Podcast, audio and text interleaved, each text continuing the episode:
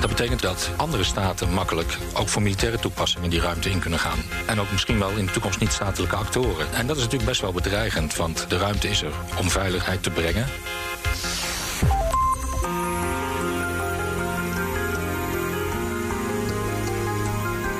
Je luistert naar De Stratege, een podcast van BNR in samenwerking met het Den Haag Centrum voor Strategische Studies. Mijn naam is Paul van Liemt. At the National Space Council meeting, President Trump directing the Pentagon to immediately begin the process to establish a Space Force as the sixth branch of the U.S. Armed Forces. Buitenaard, dat is wat de NAVO wil. Het militaire bondgenootschap wil de ruimte toevoegen als oorlogsdomein. Concerns inside the U.S. defense community over a Russian military satellite exhibiting some very strange behavior. Je moet natuurlijk de ruimte gebruiken voor zowel de civiele toepassing, maar ook de militaire toepassing.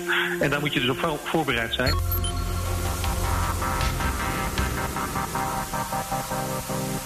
Als we het hebben over landen die met elkaar strijden om macht en invloed, dan gaat het bijna altijd over zaken die op onze eigen planeet gebeuren. Maar ook de ruimte is steeds meer het speelveld waar een strijd plaatsvindt. De grootmachten van de aarde nemen het ook tegen elkaar op in het heelal. Maar waar zijn ze dan precies naar op zoek? Waarom is het ze zoveel waard om behalve grootmacht op aarde ook een space grootmacht te worden? En wat maakt het voor jou en mij eigenlijk uit wat er in de ruimte gebeurt? Dat ga je allemaal horen in deze aflevering van de Stratege. Van mijn gasten Patrick Bolder. Ik strategisch analist bij het Haag Centrum voor Strategische Studies. En Joost Capé. Van het Nederlands Space Office, het Nederlandse Ruimtevaartagentschap. Ik uh, stuur het ESA-team aan, wat Nederland vertegenwoordigt bij de Europese Ruimtevaartorganisatie ESA. Zijn er nog onderwerpen die niet polariseren? Zijn er nog zinnen die onomstreden zijn? Woorden die je kan gebruiken zonder dat er een Facebookgroep wordt opgericht om het tegendeel te bewijzen? Onjuiste informatie wordt rondgepompt op uh, grote mediaplatforms, social media platforms, uh, Facebook, Google, YouTube. En dat is heel schadelijk, omdat mensen op een gegeven moment tegenover elkaar komen te staan, omdat ze niet meer weten wat nou waar is en wat niet waar is. America is the most polarized it's been in over uh, 150 years probably. The last time we suspect it was as polarized as it is now was right after the Civil War.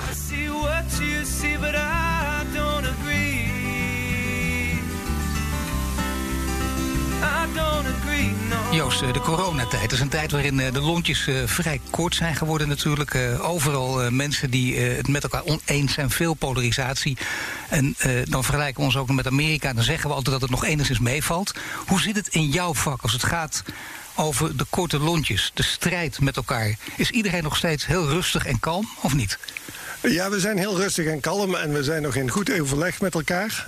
Um, alleen, uh, ja, we moeten dat allemaal wel via de bekende uh, videoconferentiesoftware doen. Maar uh, er zijn geen grote ruzies. Nee, dat leidt niet af en toe ook tot korte lontjes van... hij valt uit en hoe zit dat en kom op en ik heb geen tijd meer. Nee, ik merk dat in deze tijd de nee. lontjes wat dat betreft wat langer zijn. Want men houdt zich in, omdat je elkaar niet ziet... moet je ook een beetje genuanceerder zijn. Ja, dan kun je thuis erna afreageren. Ja, ja, dat is, zo is dat. En Patrick, hoe zit het bij jou? De onderwerpen waar jij nu mee bezig bent, ook af en toe onderwerp van een verhit debat? Nou, geen verhit debat. We hebben natuurlijk wel veel uh, meninguitwisseling. Uh, met name over de, hoe de verkiezingen lopen en wat de gevolgen daarvan zijn en hoe de opstelling is. Maar ook bij ons uh, toch heel veel thuiswerken via de media, elektronische media, vergaderen. En, Iedereen is druk aan het werk met allerlei andere dingen. Dus we hebben geen tijd om uh, ruzie te maken. Eigenlijk. Tijd om ruzie te maken. Oh ja, nou wat dat betreft is het weer uh, na corona oppas geblazen.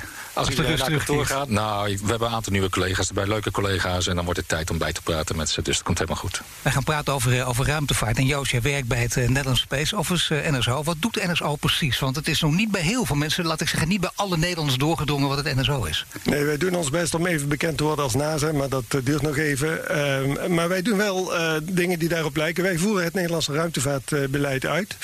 Wij vertegenwoordigen Nederland bij de Europese ruimtevaartorganisatie ESA. Want Nederland is lid van ESA en doet het grootste gedeelte van zijn ruimtevaart via Nederland ESA. betaalt ook keurig mee bij ESA, of niet? Ja, wij betalen mee aan ESA. Maar het is ja. niet zoals dat Nederland ook mee betaalt aan de NAVO, maar net iets te weinig. Ja, nou ja. Een dubbeltje op de eerste rang verhaal. Ja, dat, wij, uh, um, wij staan niet boven vooraan in de rij, dat klopt. Maar we moeten roeien met de riemen die we hebben.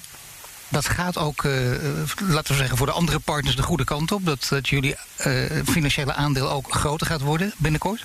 Nou, dat weet ik niet, want daar gaat de politiek over en wij niet. Maar wat ik wel zie is dat de belangstelling voor ruimtevaart bij de politiek toeneemt. Er worden ook Kamervragen over gesteld. Dus ehm, er is steeds meer belangstelling. En ik ben ervan overtuigd dat dat ook voor ons budget positieve gevolgen heeft. Ja, want uh, dat is wel handig om te weten ook, hè, als je je daarin gaat verdiepen. Ik heb er nu ook wat meer over gelezen. Er zijn behoorlijk veel mensen in werkzaam. Een behoorlijk substantieel deel van de werkgelegenheid ook. Uh, steeds meer mensen. Een groot een, een bedrag dat ook in de miljarden loopt gaat erin om. Ja, het is, uh, ruimtevaart is uh, veel groter en belangrijker dan uh, mensen denken. We hebben er ook elke dag mee te maken. En zeker in Nederland, wij hebben het grootste technologiecentrum van de Europese ruimtevaartorganisatie in ons land, in Noordwijk. Alleen daar al werken zo'n 3000 mensen aan, aan die mooie programma's van ESA. Nou, dan mag iets meer van de daken geschreeuwd worden, zou je bijna zeggen. Kun je zeggen, wat zijn de grote punten van aandacht en, en de onderwerpen dus waar jullie nu mee bezig zijn? Um, de er zijn een aantal onderwerpen waar we nu mee bezig zijn. Belangrijk is natuurlijk de Europese onafhankelijke toegang tot de ruimte. We zijn met een nieuwe raket bezig. Wij, niet Nederland, maar Europa. Met een nieuwe raket bezig die over ongeveer een jaar voor de eerste keer uh, de ruimte in moet. Die substantieel goedkoper moet zijn dan de vorige raket. En verder zijn we in de wetenschap nu, uh, bezig met nieuwe programma's die uh, ons naar 2050 moeten gaan brengen. Daar is een discussie over. En um, in de aardobservatie is zojuist besloten om een groot aardobservatieprogramma verder te brengen. En um, daar worden nu de, wordt de aanschaf gedaan door ESA, zeg maar. Dus vanuit de ruimte naar de aarde kijken en kijken wat je ziet en daar kunnen we wat mee doen. En wat zijn de belangrijke dingen? We gaan er straks natuurlijk veel verder op in. Maar eventjes een schot voor open doel nog. wat, wat zijn de grote zaken waar je naar kijkt? De grote zaken zijn met name, uh, is met name klimaatverandering natuurlijk. Het goed in kaart brengen wat er met klimaat op de aarde gebeurt. Bosbranden kunnen zien? Bosbranden kunnen zien. Uh, real-time trouwens ook dat kunnen ja, zien? Ja, zo goed als real-time. Dat gaat ja. binnen, binnen een paar uur zijn die gegevens uh, ter plekke. Maar ook uh, de, de, luchtvervuiling meten. Ook daar kunnen we binnen, weten we heel snel uh, hoe de toestand daarvan is. Hoe het met de ijskappen gaat, uh, dat wordt natuurlijk nauwkeurig in de gaten gehouden. Dus dat soort dingen. Dus klimaat is een hele belangrijke, dat soort dingen, allemaal klimaat. Maar ja. daarnaast ook nog iets met militairen bijvoorbeeld? Nou, ESA is een, een civiele organisatie. dat staat ook in de grondvesten van ESA. En um, er wordt wel gesproken bijvoorbeeld met de European Defence Agency. En waar het kan, wordt er rekening gehouden met de wensen van de militairen. Maar ESA is in eerste instantie civiel. Ja, ik vroeg het even omdat we nu naar een, uh, een man gaan die uh, luitenant-kolonel bij de luchtvaart is. Die zit trouwens ook heel goed in de ruimtevaart. Maar vooral is hij natuurlijk de man van uh, Den Haag Centrum voor Strategische Studies, HCSS. Nog even, ook nog luitenant-kolonel Patrick. Toch aardig om daar even één seconde bij stil te staan. Hè? Nog 7,5 maanden, dan ga ik ja. met functionele leeftijdsontslag. Ja, en dat is heel gek voor iemand die er nog zo jong uitziet. Maar dat, Dankjewel, Paul. ja, we gaan geen leeftijden noemen, merk ik al. Je zit goed in dat dossier ruimtevaart. Hoe, hoe ben je daarin gerold? Nou, eigenlijk uh, een beetje uit interesse. En ik kwam in 2013 na mijn eerste uitzending terug in de luchtmachtstaf. En toen hadden we het idee van, dit is een domein dat is al heel erg belangrijk voor een hoop andere landen. Maar als Nederlandse defensie doen we daar nog te weinig in. En toen heb ik uh, wat onderzoek gedaan. En toen heb ik eigenlijk het eerste beleid geschreven. Wat zou de luchtmacht moeten kunnen doen in het ruimtedomein? En zou je vast uh, ook jij één schot voor de, voor, voor, ja, één, één schot voor de boeg kunnen geven? Het groot, de, de, de, belangrijkste uitkomst daarvan is dat we volgend jaar de eerste Nederlandse militaire satelliet gaan lanceren. Kijk eens aan. En dat en is nogal wat, ja. En dat in een niet-militaire organisatie. Uh, en zonder dat het een echt defensiegeleid programma is, uh, uh, is het puur vanuit de luchtmacht helemaal opgewerkt ontwikkeld samen met partners, uh, met NLR, met de TU Delft. Um, maar er staat, of er hangt eigenlijk straks wel wat moois in de, in de ruimte, ja. Maar het heeft te maken in ieder geval met technologie, het heeft te maken met veiligheid, het heeft te maken met klimaat. Het zijn uh, grote thema's die hier spelen. En toch uh, denken mensen thuis misschien, ja, jullie hebben er nu toevallig over. Ik hoor wat interessante dingen, maar ruimtevaart kan mij het schelen. Nou, ja, dat, dat, mensen zien dat als, als ver van hun bed en heel erg kostbaar. Dat valt heus wel mee. In december uh, vorig jaar, in 2019, heeft de NAVO niet voor niks uh, de ruimte tot militair of operationeel domein verklaard. Uh, maar al veel langer wordt natuurlijk de ruimte gebruikt hè, om militaire operaties te ondersteunen. Een van de dingen die Joost ook zei, observatie. Nou, dat is natuurlijk een van de oudste toepassingen van de ruimte. Van boven kijken, wat gebeurt er op aarde? Ja. Wat doen mijn tegenstanders? Waar zit wat? Waar zit wie? Uh, en dat is een van de belangrijkste dingen. En die observatie die wordt ook steeds beter. Uh, iedereen herinnert zich misschien wel het uh, Twitterfoutje van president Trump. Een aantal maanden geleden dat de Iraanse raketlancering volledig fout ging. En hij liet daar uh, hoge resolutie foto's zien ja. van de Amerikaanse Keyhole 11 satelliet. En natuurlijk wordt ruimte ook heel uh, nadrukkelijk gebruikt over het ruimtedomein voor uh, GPS-signaal, uh, het navigatie- en het positiesignaal. En dat heb je heel hard nodig. Wil je precisiewapens kunnen afvuren, wil je kunnen navigeren. en ook ja. voor de timing van je militaire instrumenten. Dat moet precies zijn uitgelijnd om te zorgen dat je die precisie ook kunt leveren. Precies, dat gaat dus echt over data. Dat gaat over grote kennis, veel belangrijker dan andere zaken misschien ook wel. maar het woord domein is gevallen. Hè? En jij schrijft ja. in een, een paper van de Haag Center voor Strategische Studies uh, dat, je, dat de ruimte een nieuw strategisch domein is. En hoe is dat in zekere zin ambtelijke taal? Want wat bedoel je hier precies mee? Wat is dat, een nieuw strategisch domein? Uh, wat, ik, wat ik zei, het is erkend als domein. En dat is het nieuwe eraan. Maar we konden al niet meer zonder het ruimtedomein militaire operaties uitvoeren. Communicatie over lange afstanden kan je niet doen zonder het gebruik van satellieten. En, uh, maar ik bedoel toch, dat woord nieuw wil ik toch even, uh, misschien uh, een beetje zeikerig, maar toch nog even op doorgaan. Omdat je dan denkt, oké, okay, de ruimte daarvoor dan. werd het toen een beetje, was het toen een beetje spelenvaren? Maakte het toen niet gek veel uit wat er gebeurt? Of kun je zeggen, er gebeurde al van alles en nu vindt er een transformatie plaats? Het laatste, er gebeurde van alles, maar nu de NAVO heeft gezegd, kunnen lidstaten ook beter samenwerken binnen het ruimtedomein. En dat is natuurlijk ook de kracht van, van een organisatie als de NAVO. Dat de lidstaten daar elkaar kunnen aanvullen. Dat je geen dingen dubbel gaat doen. Maar als er capaciteiten zijn die de een heeft en die de ander kan, kan gebruiken, kan toepassen. Ja, dan hoef je die niet nog een keer apart te gaan ontwikkelen, wat heel duur is. Of wat heel duur kan zijn. En, en dat is denk ik de grote kracht omdat van de NAVO dat het zei van het is nu een operationeel domein. Dat die samenwerking ook veel beter uh, vormgegeven kan worden. Maar hier gaat het over het positieve verdeelde samenwerking. Maar uh, zoals op aarde zal er ook in de ruimte wel eens competitie plaatsvinden. En misschien zelfs nog verder dan dat, uh, vijandschap. En ja. nieuwe concurrenten. Hoe is het daarmee uh, nou, die, die, competitie die, die gaat zeker, of die, die vindt eigenlijk al plaats. Sowieso zien we een enorme toename van de hoeveelheid satellieten in de low Earth orbit. Dat is een baan tussen de 450 en de 1000 kilometer boven het aardoppervlak.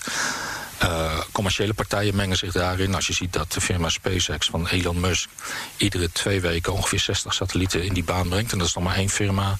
Maar je ziet ook dat de Russen in staat zijn geweest om de Cosmos 25 42, 43, 41. Onthoud maar precies het nummer. Want de, een, de ene satelliet die werd in een baan om de ruimte gebracht. En die liet een andere satelliet los. Die vervolgens weer een ruimtewapen losliet. Dus dan zie je dat die competitie al gaande is. En die tweede satelliet die losgelaten werd, die heeft zich gemanoeuvreerd vlakbij Amerikaanse en Franse satellieten. En dat was dan ook weer de reden voor Frankrijk om te zeggen: wij moeten ook een Space Force. Wat de Amerikanen natuurlijk al eerder hadden gedaan, is nu ook in Frankrijk een soort Space Force opgericht als tak van de luchtmacht. Nou, zo zie je, Japan heeft het bijvoorbeeld ook gedaan. En zo zie je dat die bewustwording van het belang van het ruimtedomein om je militaire operaties te doen, maar dus ook om jezelf veilig te houden.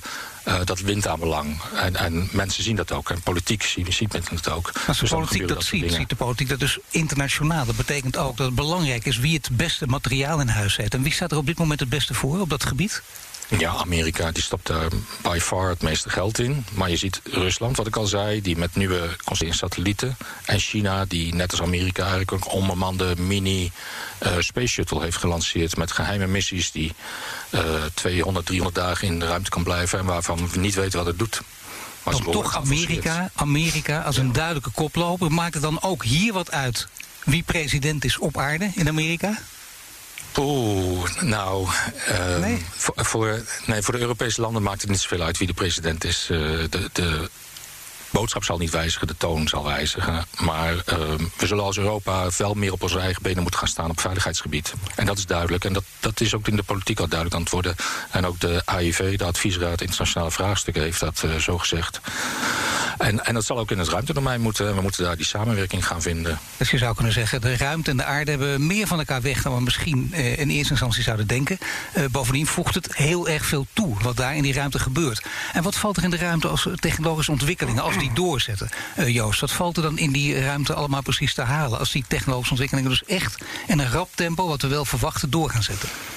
Nou, wat mij zelf het meeste aanspreekt misschien wel, is dat wij als wij. Uh, we zijn al bezig met de technologieontwikkeling om planeten rond andere sterren uh, niet alleen te ontdekken, dat hebben we al uh, in grote getalen gedaan, ja. maar zelfs de atmosfeer van die planeten te meten. En dan kun je in principe vaststellen wat de samenstelling van die atmosfeer is. En bijvoorbeeld of er zuurstof is. En als er zuurstof is, is het vrijwel zeker dat er ook leven moet zijn, volgens alle modellen die wij nou hebben. Dus daarmee kun je eindelijk eens een keer gaan tellen op hoeveel planeten er leven is. Dat kunnen we niet morgen, maar we zijn wel bezig met de technologie. Maar dat is interessant, hè? Dat we het vroeger toch aan uh, de complottheoretici overgelaten, maar nu blijkt dit dichter bij de waarheid te zijn dan wij denken. Nou, dat weet ik niet. Dat moet nog blijken. Uh, maar, maar je spreekt het niet zomaar uit natuurlijk. Het is niet zomaar onzin om dit te onderzoeken. Nee, het is zeker geen onzin om het te onderzoeken. Het is onzin om te zeggen dat het er is.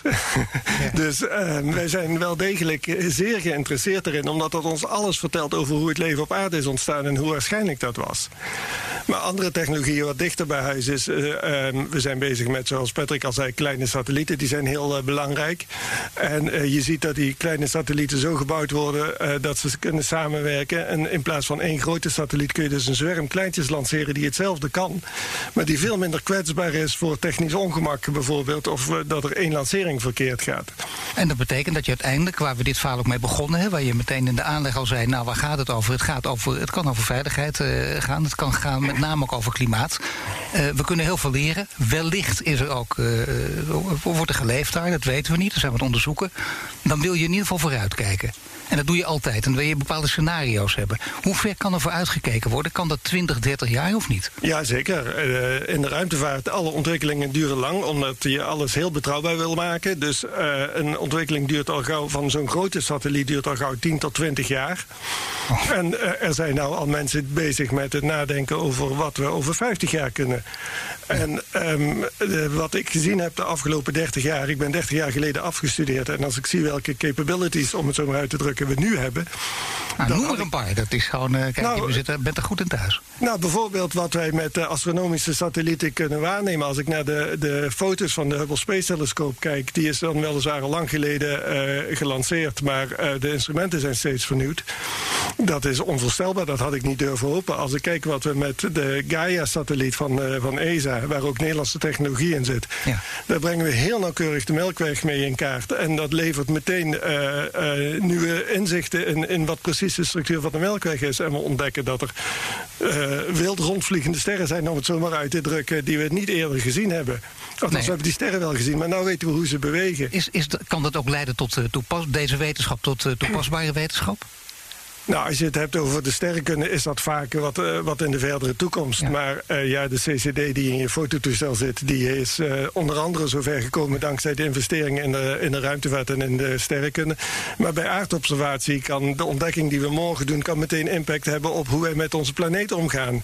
Dus dat heeft wel degelijk een heleboel invloed op het leven op aarde. En soms kan het afgeworpen voor je hand bij 30 jaar geleden mee te beginnen. Toen mensen misschien een beetje meewarig nog om zich heen keken, maar nu in de gaten hebben dat dit een heel belangrijk terrein is. Nou, het, dat, het inzicht dat het belangrijk terrein is, is er natuurlijk al heel lang. Want niet voor niks hebben de Amerikanen in de jaren 60 al een groot ruimtevaartprogramma gestart. En is Europa daar vrijwel meteen. Maar ging het toen ook al over klimaat? Ging het toen ook al over dit soort toepassingen waar we het nu over hebben? Mogelijke toepassingen? Nee, de, de klimaatproblematiek is natuurlijk relatief jong. Dat we daarmee bekend zijn. Maar, maar in de jaren. Rome, jaren 60? Ja, maar dat je daar ook vanuit de ruimte wat aan kunt ja, doen. Uh, Europa doet dat eigenlijk uh, sinds begin jaren 90. En um, we hebben uh, begin 2000 een hele grote milieusatelliet gelanceerd. En die heeft heel veel inzicht gegeven. En dat is eigenlijk de vader van al die satellieten die nou rond de aarde de planeet in de gaten houden.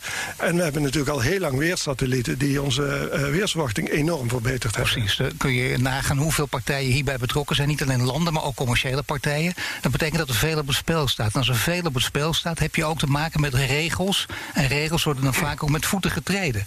En er wordt om gestreden. Gebeurt dat hier ook? Um, nou, in het civiele domein zeker niet. Daar wordt juist heel goed samengewerkt om te zorgen dat de ruimte voor iedereen bruikbaar blijft. Hè. Je moet bijvoorbeeld, uh, er zijn richtlijnen dat je moet zorgen dat je satelliet niet uh, in de weg van anderen zit en blijft zitten. Uh, onze weersatellieten ontwikkelen we ook samen met de Amerikanen, zodat zij onze gegevens kunnen gebruiken en wij de hunne. En onze instrumenten vliegen op hun satellieten en hun instrumenten vliegen op onze satellieten. En dat is juist heel goed in internationale samenwerking. En ik vind dat persoonlijk een van de leuke dingen van dit vak. Dat je met mensen uit allerlei culturen gaat ja, samenwerken tuurlijk. om een gezamenlijk doel te bereiken. En hier zijn de cultuurverschillen makkelijker te overbruggen dan op aarde?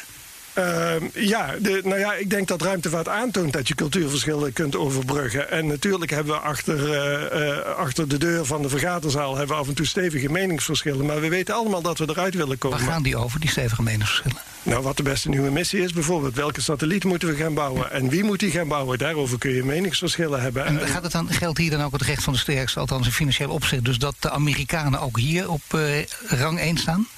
Uh, nou, de Amerikanen staan financieel inderdaad op rang 1. Um, maar wij als relatief klein land doen samen met Amerika... hebben een project gedaan en zij hebben nou een satelliet... waar een, een in omvang klein, maar in prestaties groot instrument zit. En dat hebben we in uh, prima samenwerking met de Amerikanen gedaan. Dus um, natuurlijk, als je meer in de melk te brokkelen hebt financieel... dan heb je ook meer, uh, meer zeggenschap, meer macht. Maar het is niet zo dat als je, niet, als je met goede argumenten komt... dat je dan niet gehoord wordt. Het blijft toch ook wel de kracht van de argumenten gelukkig. Nou, je hoort het in de ruimte kan er eigenlijk nog meer dan op de aarde. De kracht van de argumenten, dat klinkt heel netjes. Uh, die, ja, dat uh, speelt daar nog een rol, Patrick. Nou ja, wat, wat Joost zei, dat is natuurlijk wel heel interessant. Hè. We zien steeds meer uh, microsatellieten en nanosatellieten. En dan moet je denken echt aan satellieten de grootte van, van drie, vier pakken melk. En je ziet dat die markt enorm aan het toenemen is. En um, dat betekent ook dat, uh, dat de kosten uh, lager worden. En die miniaturisering, dat is denk ik een van de belangrijkste technologische ontwikkelingen die heeft plaatsgevonden. En die maken dat ruimtevaart ook gewoon goedkoper is geworden. Lanceerkosten zijn omlaag gegaan. En voor commerciële bedrijven, die hebben gewoon een business case. Die verdienen er geld mee. En dat betekent ook dat andere staten makkelijk ook voor militaire toepassingen die ruimte in kunnen gaan. En ook misschien wel in de toekomst niet-statelijke actoren. En, en dat is natuurlijk best wel bedreigend, want de ruimte is er om veiligheid te brengen, om je militaire operaties te ondersteunen. Maar als andere en potentiële tegenstanders daar zitten, ja, wat, wat wat is dan nog de veiligheid van je eigen satellieten? Heb jij nog wel de macht over de informatie die je dingen maar inwinnen? wat kun je eraan doen? Kun je daar bijvoorbeeld uh, heel goed en strak beleid op maken?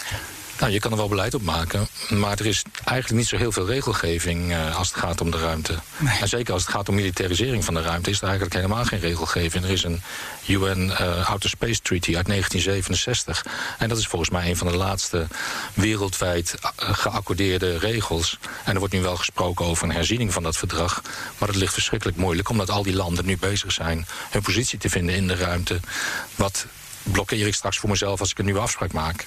Nou, en, en, daar zit natuurlijk wel een risico in. Ja, dat risico, nee, natuurlijk. Die risico's zitten overal. Maar dit is wel heel belangrijk, denk ik. Hè? Want dat is al van lang geleden dat, dat er zo'n ja. afspraak gemaakt is. Verwacht je dat dat binnenkort wel gaat gebeuren? Om iets meer duidelijkheid te verschaffen?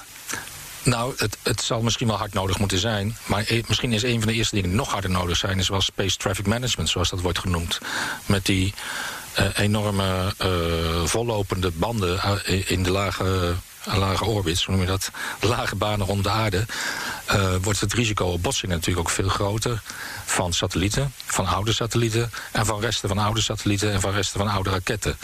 Nou, volgens mij zitten er nu iets van 30.000 stukken schroot in de ruimte, die allemaal worden gevolgd om, en waardoor waarvoor uh, satellieten die kunnen bijsturen een signaal krijgen van je moet nu even je baan veranderen.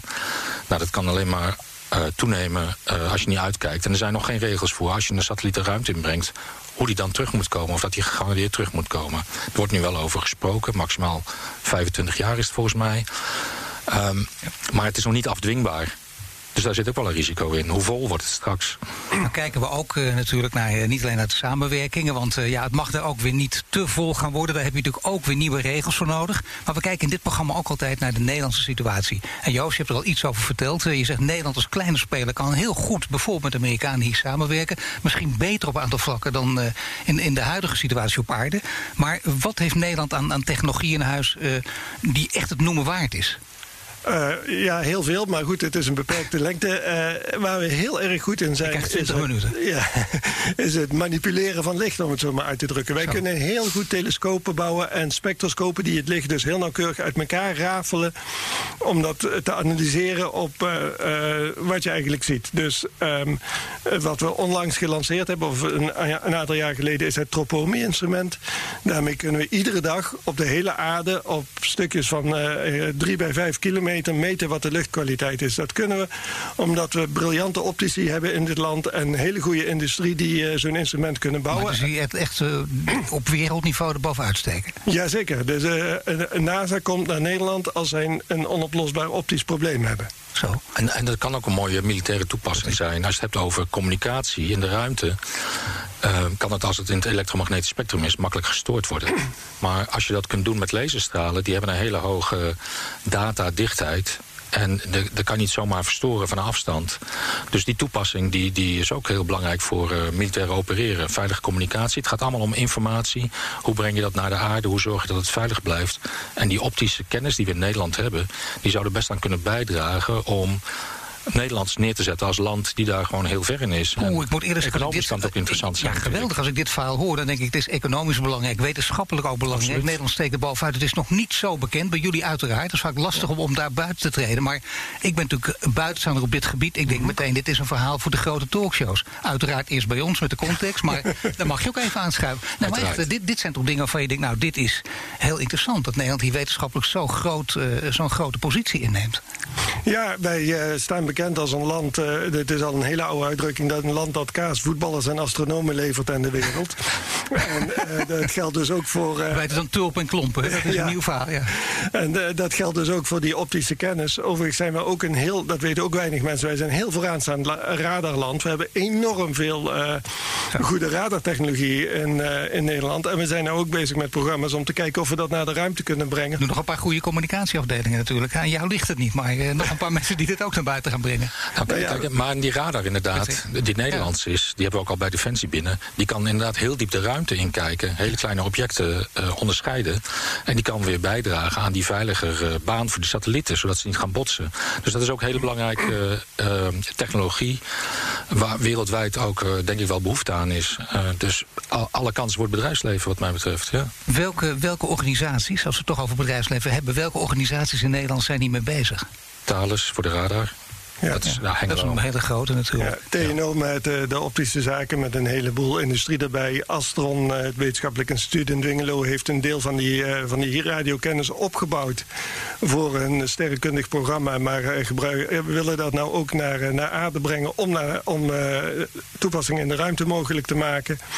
we hebben een aantal grote en kleine bedrijven. Een afdeling van Airbus in Nederland. We hebben een bedrijfje als ISIS. En dan worden er vast bedrijven boos dat ik ze niet niet noem, maar ik kan ze niet allemaal Nee, maar die worden zeker niet boos. Want volledigheid kunnen we er zeker niet nastreven, was het maar waar. Maar uh, Nederland streeft dus een paar duidelijke doelen naar, zou je kunnen zeggen. Misschien dat deze bedrijven wel uh, tot onvermoede coalities kunnen komen. In, in, in deze tijd waarin uh, in delen iets meer voorop staat dan, dan afschermen. Is dat mogelijk? dat, dat een aantal van de bedrijven die je nu noemt, dat zijn er nogal wat, mm -hmm. dat die ook voor op delen zouden besluiten tot samenwerken? Ja, dat doen ze al. Hè. Als je naar zo'n project kijkt als wat ik net noemde, het Tropomi-project, daar werken sowieso al drie, vier grote partijen aan. En daarachter zit nog een hele staart, noem ik het altijd, van kleine high-tech bedrijfjes in Nederland. die die onderdelen aanleveren. die aan ongelooflijk hoge eisen moeten voldoen. En die het mogelijk maken dat zo'n instrument voor vijf, uh, vijf tot tien jaar blijft werken in de ruimte. Dus er wordt al ontzettend veel samengewerkt binnen Nederland. en tussen Nederlandse partijen en buitenlandse partijen. Dus en, ook voor die luchtmachtsatelliet inderdaad. En het NLR, Nederlands Lucht- en Ruimtevaartlaboratorium. samen met uh, IC Space, die uh, microsatellieten maakt. Uh, en de TU Delft, uh, in een consortium, hebben we dus die Nederlandse militaire satelliet gemaakt. En, en, zo zie je dat dat de gouden driehoek, wat we dat noemen, hè, overheid, kennis en bedrijfsleven, als je dat goed bij elkaar brengt, dan kom je tot hele mooie producten. Nee, het is waanzinnig natuurlijk. En dat het ook in Nederland gebeurt, dat is inderdaad uh, een beetje aan het oog ontrokken voor, voor een groot publiek. Maar ja. langzamerhand uh, zal dat duidelijker gaan worden, hè, dat dat een grote rol speelt. Zowel economisch als wetenschappelijk. En, en inderdaad. Uh, en militair relevant. En militair ook nog relevant. Dat is een behoorlijk verhaal. En heel veel bedrijven die zich ermee bezighouden en die dus ook samenwerken. Die dat nu al doen en dat misschien in de toekomst ook nog meer gaan doen.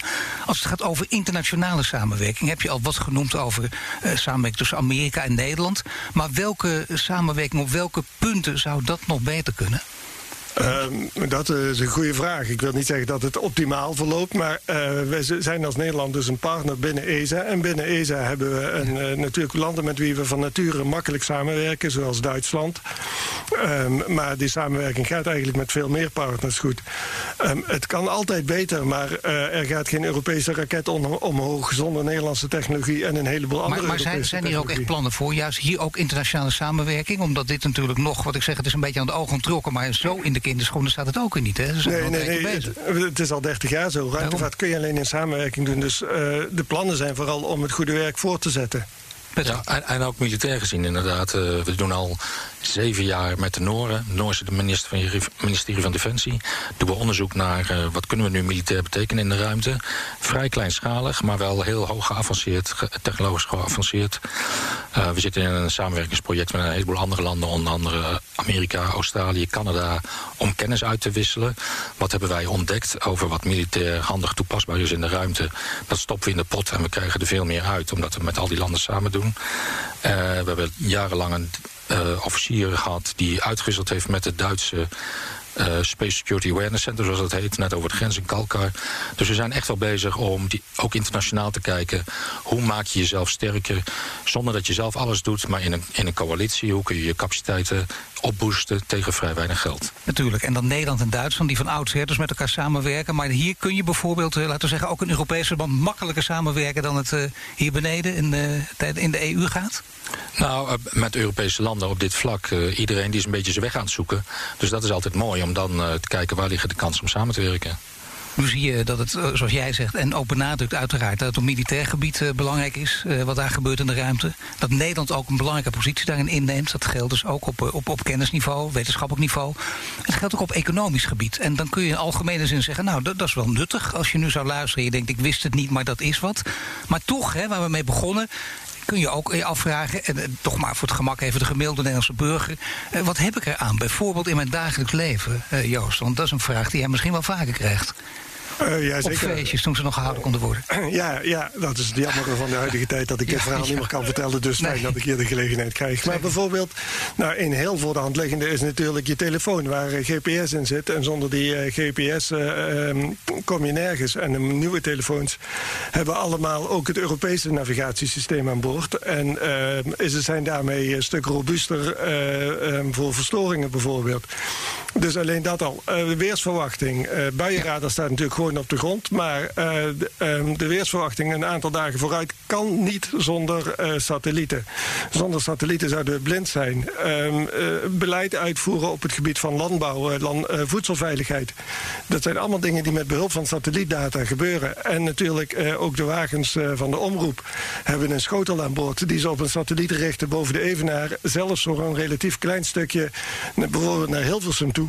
gaat dat via een satelliet aan de Evenaar... omdat je niet overal kabels kunt leggen. Je kunt met zo'n auto ook lastig een kabel achter je aanslepen. Dus het zijn echt alledaagse dingen die, uh, die uh, uh, van belang zijn. En dan nog een verhaal voor de komende decennia natuurlijk. Het klimaat, wat we ook al flink aangeroerd hebben. Waar je real-time alles kunt bijhouden. Niet als, alleen als het over bosbranden gaat, maar over veel meer. Dat is een heel breed terrein, daar wordt hiermee bestreken.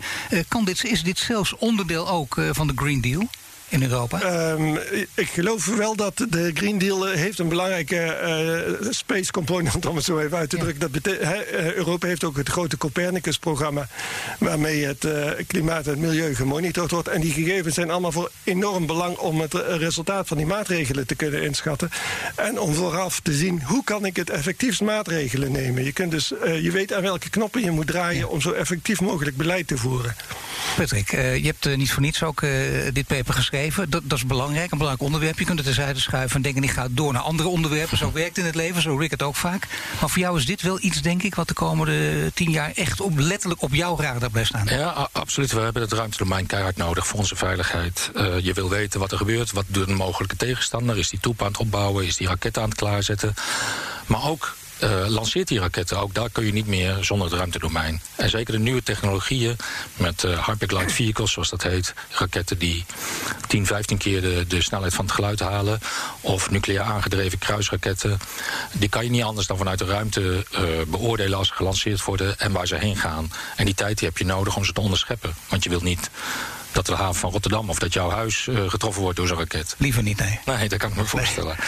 Dus ja, ja, het gaat een, een grote vlucht nemen en, uh, en we zijn er voorlopig niet vanaf, zou ik zeggen. Maar het is een boeiend onderwerp en uh, we nee, moeten er veel meer heel interessant, hè? dat ben je toch ook met me eens. Het is gewoon bijna gek dat, dat, dat we dit niet weten. Dat er, dus, er moeten aansprekende mensen tussen zitten die gewoon aan al die tafels kunnen aanschuiven. Nou, en vertellen, Nederland speelt. Ja, ja bijvoorbeeld. Nee, ja. Maar goed dat ja. Nederland hier zo'n grote vooraanstaande rol speelt. Ja, ik denk dat we hebben gelukkig een hele goede ambassadeur En André Kuipers... die dit verhaal ook altijd vertelt. Dus, Ja, eh, natuurlijk. Maar dan gaat het toch meer een altijd voor Gouden trouwens. Ja, nee, we zijn weer rond. Ja, zeker.